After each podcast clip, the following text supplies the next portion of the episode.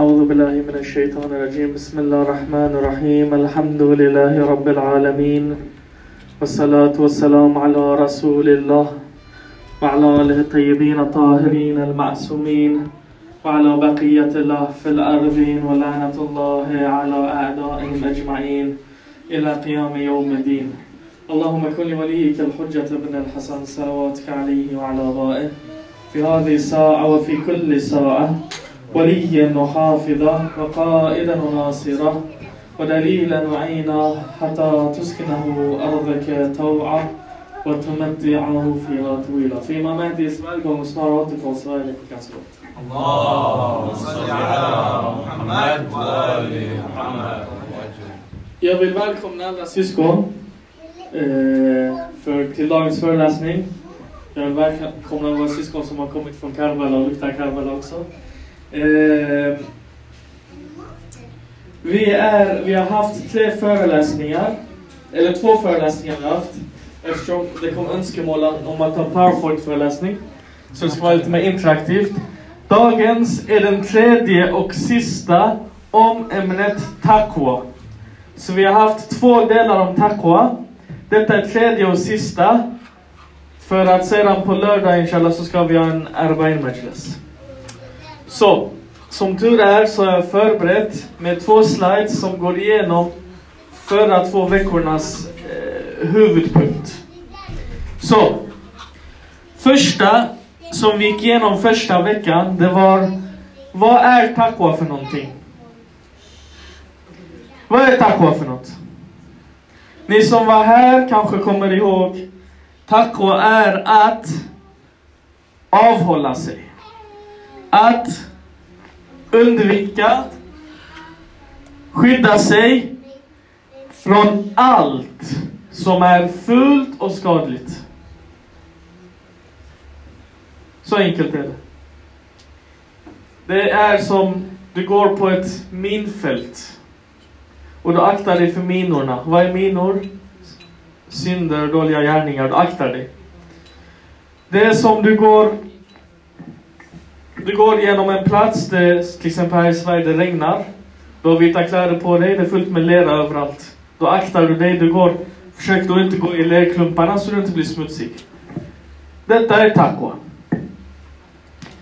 Det var huvudpunkten vi pratade om i del 1. Vad är taqwa för någonting? Det är den här. Vi sa det också att det finns två sorters akel. Två sorters intellekt. Vilka två sorter finns det? Det finns teoretiskt och praktiskt intellekt. Okej? Okay? Vad var teoretisk för någonting? Teoretisk är att vi bedömer fakta. Hur då? Som exempel användningsområde. Det är naturvetenskap, matematik, filosofi, logik, astronomi. Det här är teoretisk akal. Det är det användningsområdet man har. Men sen finns praktisk akal. Vad är praktisk akal? Det betyder att fatta beslut. Det är det det praktiska aklet gör. Vad är det för användningsområde? Användningsområden är moral, etik, samhälle och politik. Det är det den gör.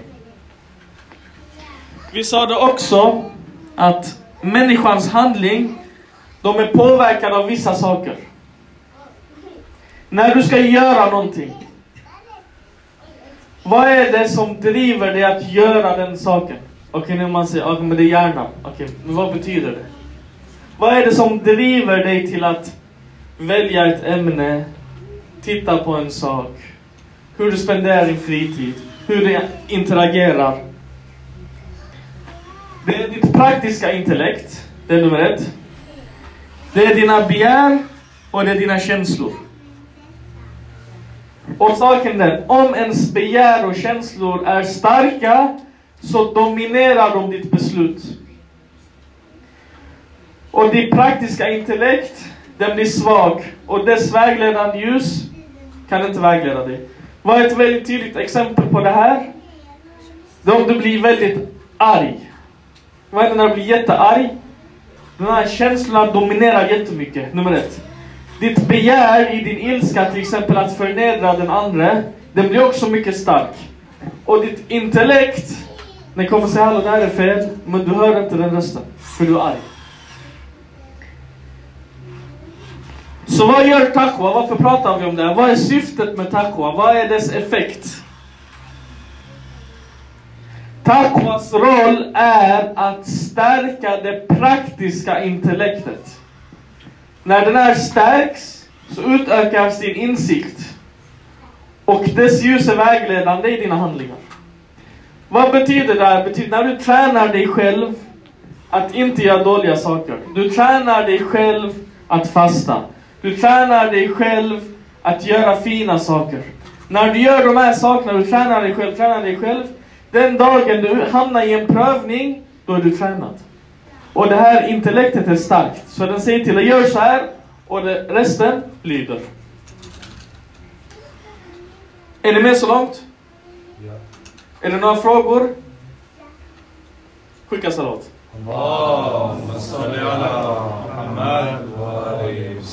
Detta var på fem slides vad vi pratade om på 60 slides. Så nu ska vi gå in på dagens eh, ämne. Vad sa vi? Vi säger taqwas roll är att stärka ditt intellekt. Den hjälper dig att fatta rätt beslut, rätt val. Den ger dig en ljus i mörkret så du kan hitta utvägar. Och då är frågan. Finns det ett samband mellan taqwa och att klara svårigheter? Varför ska vi ha taqwa? Varför pratas det så mycket om taqwa i Koranen, i hadither? Varje salat jomma de börjar med, jag börjar med att säga till er och mig själv att ha taqwa. Det är alltid de börjar så här, eller hur? Varför? Vad ger det för praktiska resultat i människans liv när jag lever? Vad hjälper det? Hur hjälper det mig?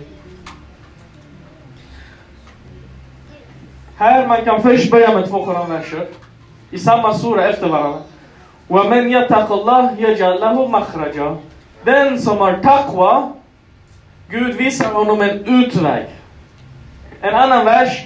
Och för han som fruktar, har taqwa för Gud, amrahu yusra. Alltså hans uppgift blir lätt. Ett, enligt Koranen, om du har taqwa, den visar en utväg. Två, den gör din börda, eller din uppgift, eller din svårighet lätt. Så. Det finns två sorters svårigheter. Om man tar alla svårigheter, man skulle kunna dela upp dem i två stycken kategorier, två huvudkategorier. En kategori är svårigheter bortom människans kontroll. Du kan inte ro över dem. Exempel, naturkatastrofer. Det blir en jordbävning, en tsunami. Det kommer en tsunami och dränker hela staden, ditt, ditt hus förstörs och så vidare. Det här, du kan inte göra så mycket åt det. Det är ingenting du kan kontrollera. Du hamnar i den. Okej, när du hamnar i den, du måste ha tålamod, du måste alla de här sakerna. Men det finns inte så mycket som du kan göra. Om du är en bra person eller en dålig person, den här tsunamin kommer ändå komma till ditt hus. Förstår ni vad jag menar? Om den är där. Det är inte så mycket du kan göra. Men, såklart, man kan, man kan göra dua, man kan göra sadaqa, sådana här saker kanske underlättar. Men du kontrollerar inte. Det är inte den typen av svårigheter som vi pratar om. Koran och Hadith pratar inte så mycket om det här heller. Det händer. Det pratas mycket om typ 2. Typ 2 är svårigheter och problem som människan kan kontrollera och överkomma. Vilka är de här svårigheterna? Det är svårigheter som människan på grund av sina egna dåliga handlingar hamnat i. Enkelt exempel. En som stjäl. Vem ska klandras om han hamnar i fängelse? Det är hans handlingar, eller hur? En person som är otrogen och eh, hamnar i skilsmässa och förlorar barnen och så vidare. Den stundens begär och impuls, vems fel är det? Det är hans eget. Detta är enkla exempel. Men det finns också den här. Det är mina handlingar, nummer ett. Ibland, ibland handlar det om min dåliga reaktion till andras dåliga handlingar. Förstår ni? Säg att chefen kommer och behandlar dig dåligt på ett sätt. Okej? Och din reaktion till honom är också dålig. Vad har hänt här? Nummer ett, du kanske har hamnat i en situation där du blir av med ditt jobb. På grund av din reaktion. Han gjorde fel. Men din reaktion till honom förvärrade situationen. Så du kanske förlorar ditt jobb. Eller i alla fall, du förlorar ditt, din akhlaq inför honom. Så du förminskar dig själv. När han sänkte sig, du sjönk till hans nivå också. Det är ett exempel på min dåliga reaktion till någon annans dåliga handling. Och här ulama i akhlaq, de kommer och säger Alltså, en som är dålig mot en annan person, han är själv ett, säger en varg till exempel. Men om någon är dålig och du bemöter den personen också med dålighet, vad är det för skillnad med, mellan er två? Den är människa som möter dålighet med brahet. Och detta betyder inte att man ska vända andra kinden till, det är inte det vi pratar om. Men det handlar om att du ska inte, du ska bevara din heder och din izza och din ära och din styrka. Men du ska inte förnedra dig själv genom att sjunka till den nivån.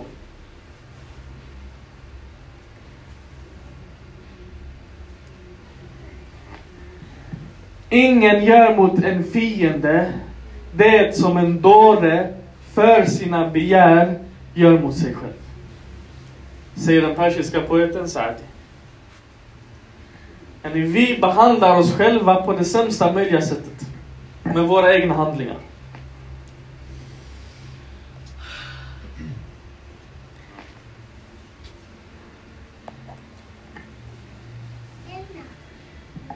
Taqwa, vad den kommer att göra? Den kommer att förhindra moraliska, andliga, psykiska, sociala, etiska problem. Den kommer och hjälper dig hur du ska handla för att inte handla, hamna i de här situationerna.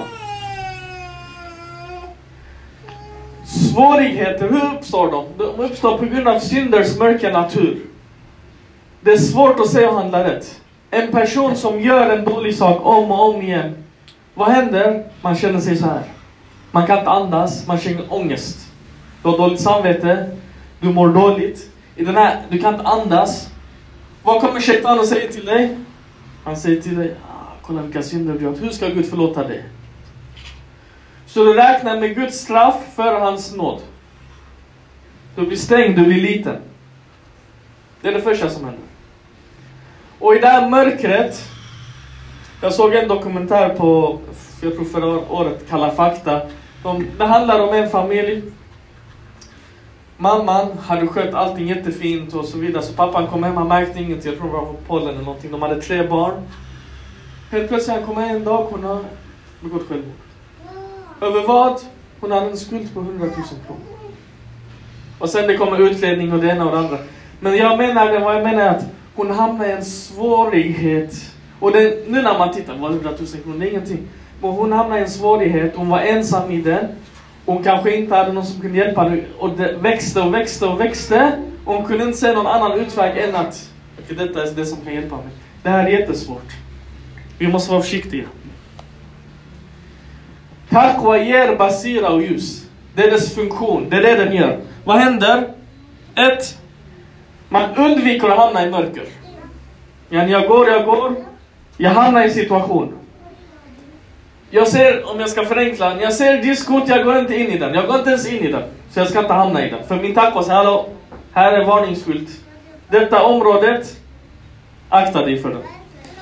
Två, om man hamnar i svårigheter så ser man utvägar.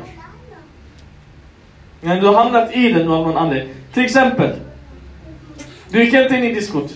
Du sätter dig på lunchen på jobbet och folk börjar baktala. I den här situationen, vad gör du? Ja, det är baktal omkring dig. De sitter och snackar om en annan kollega. Vad gör du? Här Taqwa säger till dig, säg ifrån. Byt ämne, kom med en ursäkt. Någonting, förändra situationen. Den hittar en lösning till dig. En som är stark, som är beslutsam, som har taqwa en sån person är bättre på att göra rätt beslut och rädda sig själv och rädda andra. För han har tränat sig själv i det här. Är det tydligt det här? Här säger den heliga Koranen. När de som har taqwa besväras av shaitan. Shaitan kommer och rör vid honom. Gör waswas. Massahum, säger Koranen. Påminner om sig om Guds eh, eh. De påminner sig om Gud. Och då får de basera tillbaka. De får sin syn tillbaka. En shaitan kommer. Det är hans grej. Han kommer, han viskar, han rör vid dig. Men de som har taqwa, när han kommer och rör vid dig och säger till dig waswas. Du kommer ihåg Gud. Och den räddar dig från den här mörkret som du kommer hamna i. Nu jag ska ge ett exempel, som inte mitt exempel, det är Koranens exempel.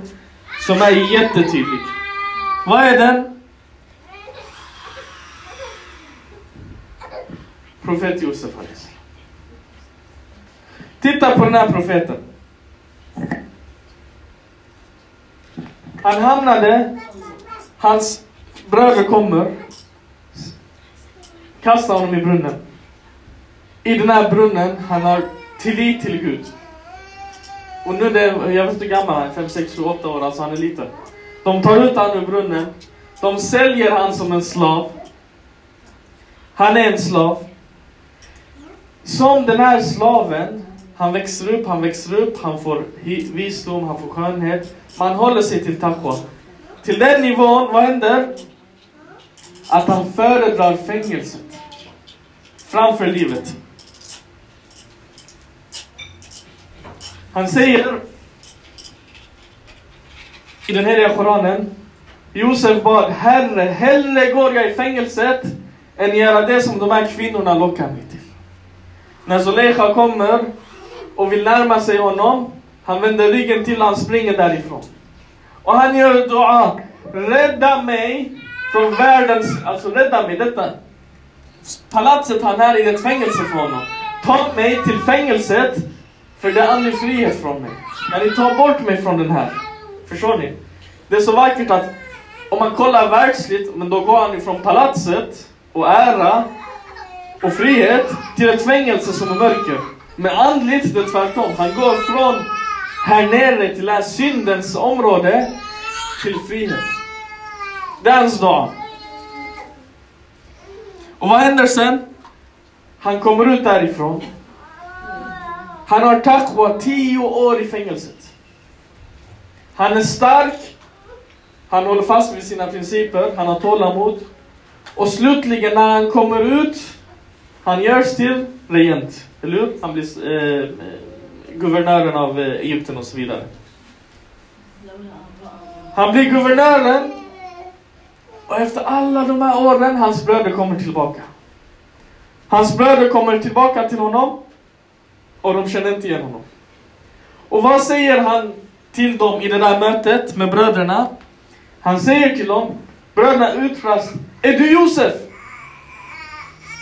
Han säger, jag är Josef och det här är min bror Benjamin.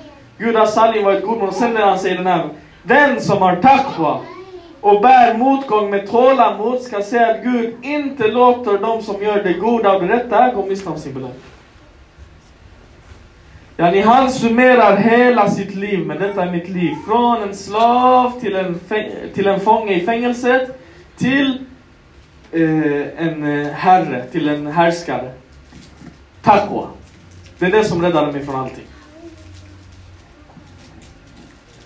Sen vi tar Imam Husseins exempel. När man tittar på Imam Husseins exempel syskon. Yani hela hans, hela hans, från han lämnar Medina ända till Shahada, ända till efter. Det är bara exempel på exempel på exempel. Tänk er. Hans tal, det exemplifierar toppen av taqwa och robusthet. När säger han? När ska han säga det? Han säger det här när han ska ta farväl av sin familj. Tänk er detta Ashura-dagen. En efter en av hans följeslagare fallit. Zuhair har fallit. Buraib. Ibn Shabib. Hans ashab har fallit. Hans eh, söner har fallit, Ali Akbar har fallit, Qasim har fallit, Abu Fadl Abbas har fallit, Ali Asghar har fallit. Alla faller. Och den enda som är kvar är han. Och inte bara han är kvar. Han, vet, han gick ut, kom tillbaka, gick ut, kom tillbaka. Varje gång han kom han var mer och mer skadad. Han kommer tillbaka till tälten till sin familj. Jag tänk dig, du sitter nu i Imam Husseins tält. Du är ett av de här barnen eller ett av de här kvinnorna. Finns det någon mörkare situation, ja, i det värsta som någonsin kan hända, du är mitt i det. Hela din familj och alla dina vänner är dödade. Och här sitter du i mörker och din, din imam, din farbror, din pappa, din, ditt, ditt ljus, han ska gå där. Och nu han ska ta farväl av dig. Och vad säger han till dig? Han säger, ni måste vara redo att uthärda svårigheter.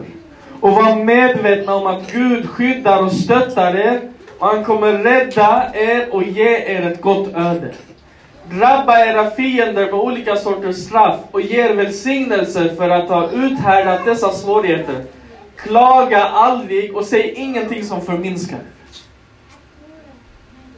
Vad är det här? Det är taqwa. Men ni har taqwa. Om man ska summera allt det här, den betyder ha taqwa. Okej? Titta nu syskon. Vi tar Imam Husseins exempel om vi tar profet Josef exempel. Vad är det för skillnad? Kolla. Mitt i eländet, mitt i all död och katastrof, när det är som mörkast, alltså man ser inte ljuset i slutet av tunneln. Då inspireras Imam Hussein när han säger de här farvälsorden till sin familj. Han inspireras av versen.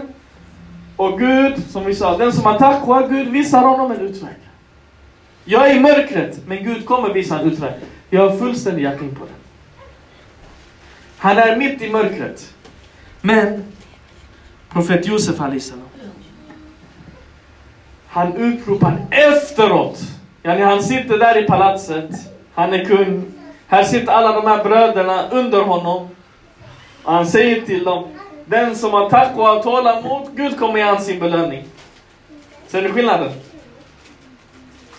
Ja, när han ser resultatet och han säger ah, den som har taqwa i efterhand. Den som har taqwa han får sin...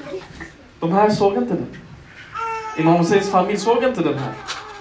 Yani de såg, han säger ha taqwa, slutet kommer vara gott. Vad är slutet? Okej, han dör. De går ända till alla de svårigheterna som de uthärdar. Ser ni vilken basira och långsiktighet? Imam Husseins ord, de var levande. Han sa någonting, det gick in i deras hjärtan och det inspirerade dem och drev dem vidare. Tänk dig syskon, de uthärdade svårigheter, de hölls fångna. Från Karbala till Damaskus, det är 800 kilometer.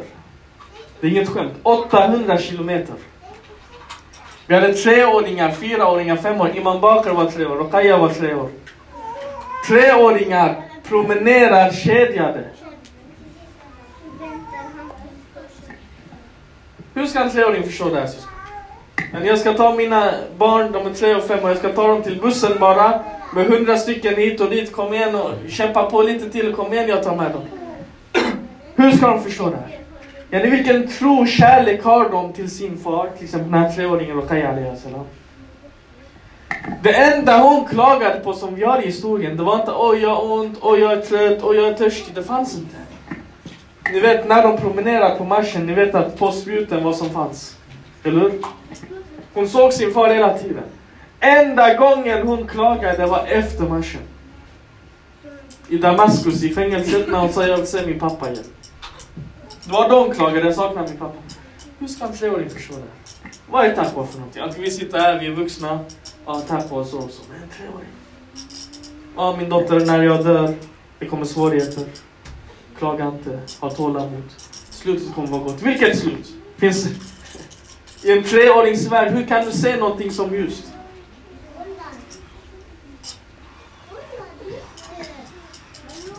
Vad säger Zeinab salam? Det är hennes ord. Använd vilket trick ni vill och försök hårt, men jag svär vid Allah, ni kommer inte kunna få våra namn att överges. Ni kommer inte kunna förminska vår popularitet, vara respektlös mot oss eller omforma Guds uppenbarelse i vår familj.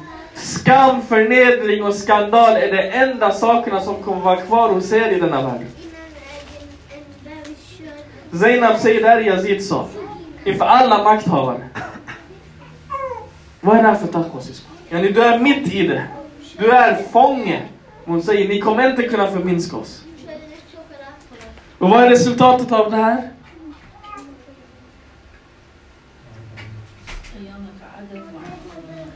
–1400 år senare, vem tror det är 20 miljoner människor?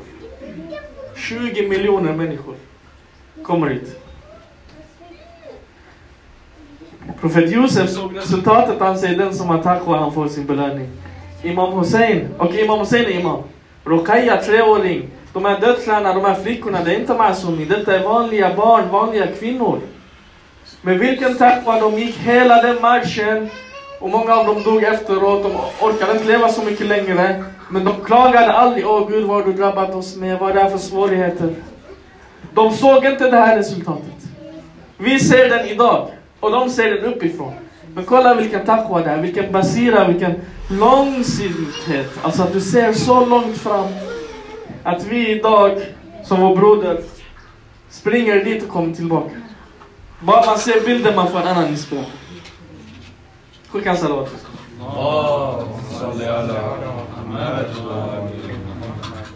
Om vi ska summera det. Leva enligt taqwa. Det är viljestyrka, det är andlighet, det är intellekt och det är insikt. Ha taqwa. Undvik synd med Gud i fokus. Det får människan att nå målet. Taqwa ger en djup känsla av moral och befrielse från alla sortens fängelser och slaverier. Taqwa leder till klarsynthet, övertygelse och tro. Taqwa hjälper inte bara individen, den hjälper hela samhället. För om du tar bort taqwa från samhället, det är källan av alla sociala problem. Om vi skulle haft lite mer taqwa i Sverige, jag tänker så mycket av de här sociala problemen som vi har som skulle försvinna. Därför ses taqwa som en pelare i människans liv. Därför pratar så mycket Koran och Hadith om den. Taqwa, taqwa, taqwa. För utan den pelaren, den här mittenpelaren, då är människan skakig och ostabil. Därför. Skicka en salat. Allahumma salli